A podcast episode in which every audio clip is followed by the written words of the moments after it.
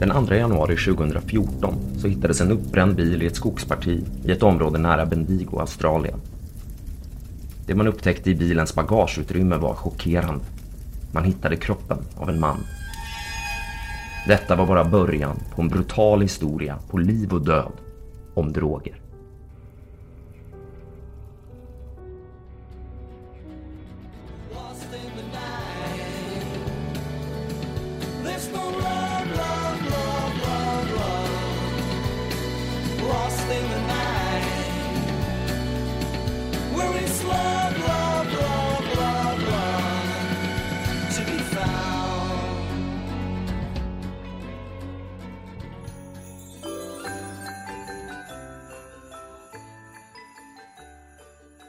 Ja, hej allihop och välkomna ska ni vara till en ny julspecial med oss i Lägerelden.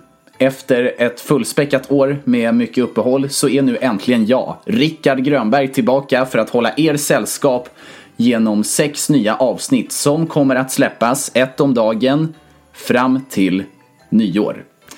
Så jag hoppas verkligen att ni ser fram emot av att eh, hänga med oss här på Mellandags Chill 2022 under den sista veckan på detta år. Men för er som är nya och inte har hört den här podden förut så vill jag ge er ett extra varmt välkomnande. Det som är nytt eh, denna säsong är att nu så finns alla avsnitt av Lägerelden inte bara på Acast utan även på Spotify och Apple Podcaster. Men nog med prat, nu tycker jag att vi tar och sätter igång istället och vi börjar med att jag läser upp en juldikt för att sakta men säkert kunna träda in i mörkret.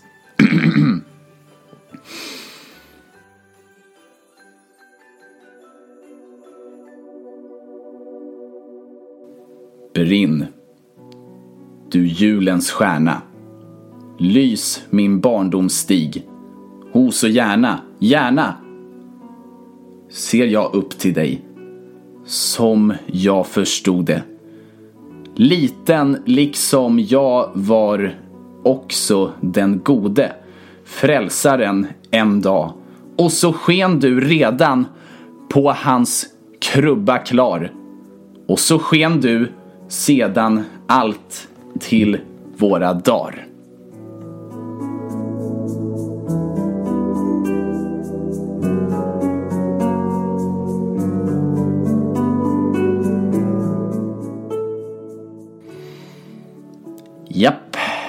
Nu kära lyssnare har det blivit dags att dyka in i mörkret. Och vi ska börja med våran första inläsare Elon Kienberger, eller Kienberger, jag vet inte riktigt hur man uttalar ditt efternamn.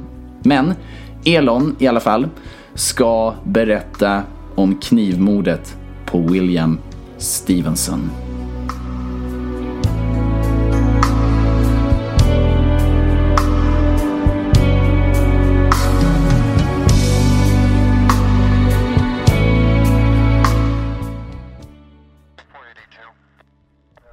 Polisen kom till platsen och kunde identifiera en man som varit försvunnen sedan den 25 december 2013. Detta var den 47-årige lantbrukaren William Stevenson. Några dagar senare så kunde man arrestera två misstänkta. Detta var paret Danielle Kerr, 37, och Darren Lewis, 47. Man fick reda på att William Stevenson hade varit hos en vän på juldagen men att William sedan hade träffat paret i en skog utanför Bendigo. När paret och Stevenson stod och pratade och rökte på så flippade i 37-åriga Daniels huvud. Hon började att attackera Stevenson med en sten. Hon slog honom i huvudet och knivhögg honom i ansiktet och strupen. Under attacken så hade Stevenson skrikit “Snälla sluta!” medan Daniel hade skrikit tillbaka “Dö! Dö! Dö!” Efter att Stevenson hade dött så la paret honom i bagageutrymmet och tände sedan eld på kroppen och bilen. Efter det så flydde paret.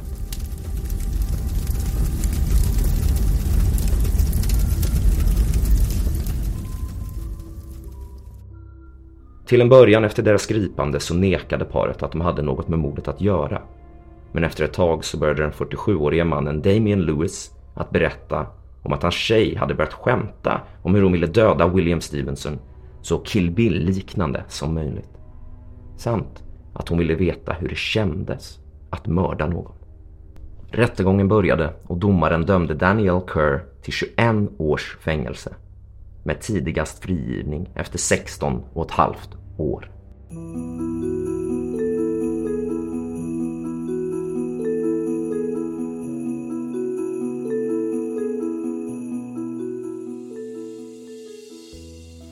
Ja, tänk verkligen vad droger och illegala substanser verkligen kan leda till. Men nu så ska vi prata om ett väldigt mycket mer berörande och uppmärksammat fall. Nämligen om mordet på John Benid Ramsey. Som berättas av vår nästa inläsare Armin Keljalik. Jag vet inte riktigt hur man uttalar ditt eh, efternamn heller men eh, stavas K-E-L-J-A-L-I-C. Så varsågod Armin.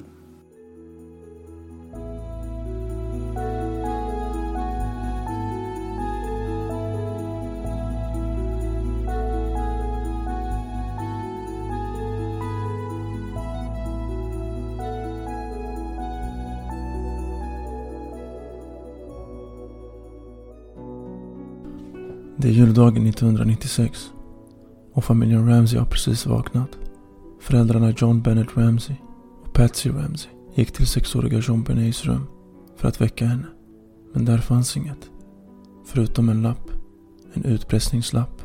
På lappen stod det. Lyssna noggrant. Vi är en grupp individer som representerar en liten utländsk fraktion. Vi respekterar din verksamhet, men inte landet du betjänar. Just nu har vi din dotter i vår ägo. Hon är säker och oskadd. Och vill du att hon ska se 1997 måste du följa våra instruktioner till punkt och pricka. Du kommer att ta ut 118 000 dollar från ditt konto. 100 000 dollar kommer att vara i 100 sedlar och det återstående 18 000 i 20 sedlar. Se till att du tar med dig bifogad fil av lämplig storlek till banken. När du kommer hem lägger du pengarna i en brun papperspåse. Jag ringer dig mellan klockan 8 och 10 imorgon för att instruera dig om leverans. Leveransen kommer att vara ansträngande så jag råder dig att vara utvilad. Om vi övervakar att du får pengarna tidigt kan vi ringa dig tidigt för att ordna en tidigare leverans av pengarna och därmed en tidigare leverans av din dotter. Varje avvikelse från mina instruktioner kommer att resultera i omedelbar avrättning av din dotter. Du kommer också att nekas hennes kvarlevor för korrekt begravning. De två herrarna som vakar över din dotter kommer inte de två herrarna som vakar över din dotter tycker inte om dig, så jag råder dig att inte provocera dem. Att prata med någon om din situation, såsom polis, FBI etc. kommer att resultera i att din dotter halshuggs. Om vi ser dig prata med en herrlös hund, dör hon. Om du larmar bankmyndigheter, dör hon. Om pengarna på något sätt är märkta eller manipulerade, dör hon. Du kommer att skannas efter elektroniska enheter och om något hittas, dör hon. Du kan försöka lura oss, men varnas för att vi är bekanta med brottsbekämpande motåtgärder och taktik. Du har en 99% chans att döda din dotter om du försöker bli smartare än oss. Följ våra instruktioner och du har 100% chans att få tillbaka henne. Du och din familj är under ständig granskning, såväl som myndigheterna. Försök inte få en hjärna John. Du är inte den enda tjocka katten som finns, så tro inte att eh, blir svårt att avliva. Underskatta oss inte John. Använd ditt goda sunt förnuft från södra. Det är upp till dig nu John. Seger. SBTC. Efter att mamma Patsy hade läst lappen så ringde hon till polisen direkt. Samtalet lyder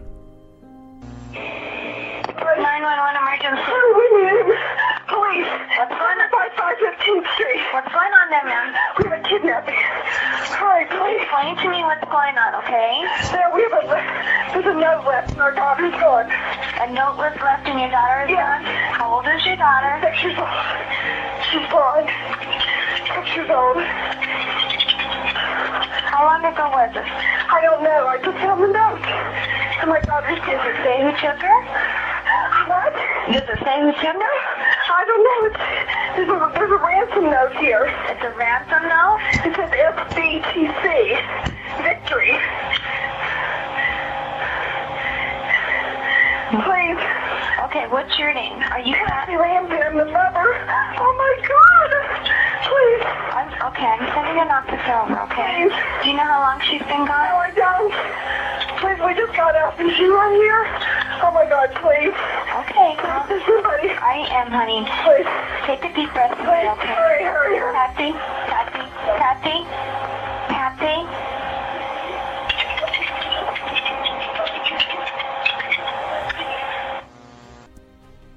Kortfattat i detta samtalet så berättar Patsy att deras dotter Jean Benet har blivit kidnappad.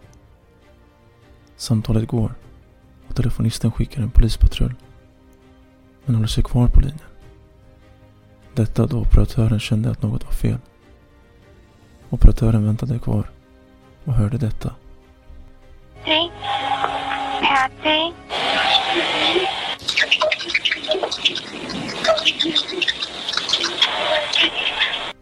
Det som hörs är Patsy som säger Hjälp mig Jesus.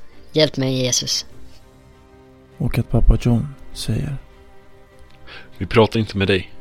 Och sedan en barnröst som identifieras som storbror Burke som säger Vad hittar du? Polisen kom till familjen Ramseys hus vid åtta tiden på morgonen. På plats i huset så hade vännerna White kommit. Efter att familjen hade pratat med polisen så gick pappa John och vännen Fleet White ner i källaren för att leta eventuella ledtrådar om var deras dotter fanns. Efter att vännerna hade kollat igenom hela källaren så fanns det bara ett rum kvar. John och Fleet gick mot dörren och pappa John utbrast Där är hon. innan han tände lampan. John tog Jean Benets livlösa kropp upp till vardagsrummet där poliserna, Fru White och Patsy Ramsey var. John la först ner Jean Benet på golvet framför soffan. Sedan upp på soffan. Polisen kunde konstatera att Jean Benet redan var avliden. Endast sex år gammal. Polisen förde Jean Benets kropp till bårhuset för att göra en fortsatt utredning av kroppen. Medan obduktionen gjordes så undersökte polisen i huset för att försöka reda ut fallet. Familjen hade vittnat om att fönstret i det rum Jean Benet hittades hade varit öppet. Men polisen såg att fönstret som familjen påstod varit öppet hade massor av spindelnät hade suttit där en längre tid. Vilket skulle ha slitits loss om han hade tagit sig ut den vägen. Sedan kunde man se att pappret som förövarna hade skrivit brevet på kom från Patsy Ramseys anteckningsblock som fanns i köket. Man kunde även identifiera handstilen på brevet som Patsy Ramseys. Obduktionen av Jean Benet visade ett hårt slag i huvudet av ett trubbigt föremål. Även att Jean Benet hade blivit strypt med hjälp av ett föremål. Även två prickar på ryggen. I magen kunde man även hitta ananas och mjölk. Samt att Jean Benet hade skador på vaginan. Men inget som tydde på ett sexuellt övergrepp. Efter mer forskande så kunde man konstatera att Jean Benet hade blivit strypt med en hemmagjord garå. Detta är oftast ett rep som man binder ihop med en pinne som man kan snurra på för att bestämma hur mycket offret ska kunna andas eller inte. Föremålet som hade använts för att slå Jean var en tjock ficklampa som fanns i köket. En av teorierna om händelseförloppet var att det då var nioåriga storebror Burke som hade i vredesmod slagit Jean med ficklampan efter att hon hade tagit hans ananas och mjölk kvällen innan. Jean ska då ha fallit till marken. Burke ska ha fått panik av detta och hämtat ett leksakstågspår och tryckt mot hennes rygg. Detta för att försöka väcka henne. Men när Jean Benet inte visade någon reaktion av detta så hämtade Burke pappa John som bar ner kroppen i källaren. Andra teorier om vad som skett är att det ska ha varit en pedofilgrupp som utfört ett kidnappningsförsök men som slutade i att Jean Benet dog och att förövarna ska ha skrivit lappen. Men man kom inte långt på detta spåret. Än idag så är det oklart om vad som skedde och vem eller vilka som mördade den sexåriga Jean Benet Ramsey.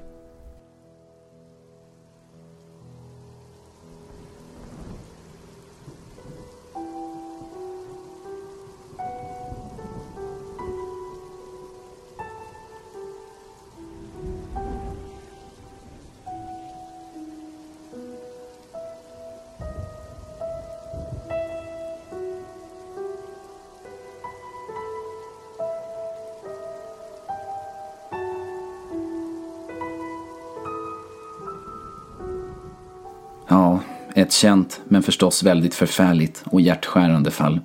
Man kan ju verkligen undra vem eller vilka det är som egentligen har mördat den stackars flickan. Och därmed, kära lyssnare, vill jag tacka er för att ni har lyssnat på detta avsnitt. Och så hörs vi igen redan imorgon på annandagen med ett nytt avsnitt.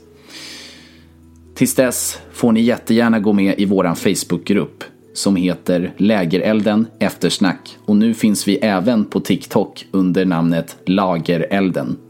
Vill man komma i kontakt med podcastens skapare Rasmus Bryngel Andersson så kan man mejla honom på rasmusandbry gmail.com och vill man komma i kontakt med mig så kan man nå mig på Rickard, med CK alltså, rickard.rundan snabel a icloud.com. Och vill man följa mig så finns jag både på Instagram men framförallt på TikTok är jag väldigt aktiv med imitationer och annan underhållning. Där hittar ni mig under namnet Rickard understreck med understreck CK. Både på Instagram och TikTok. Alltså Rickard understreck ordet med understreck C och K. Eller skriv bara Rickard Grönberg. Om det blir lättare så. Och ha en fortsatt fantastisk juldag allihop.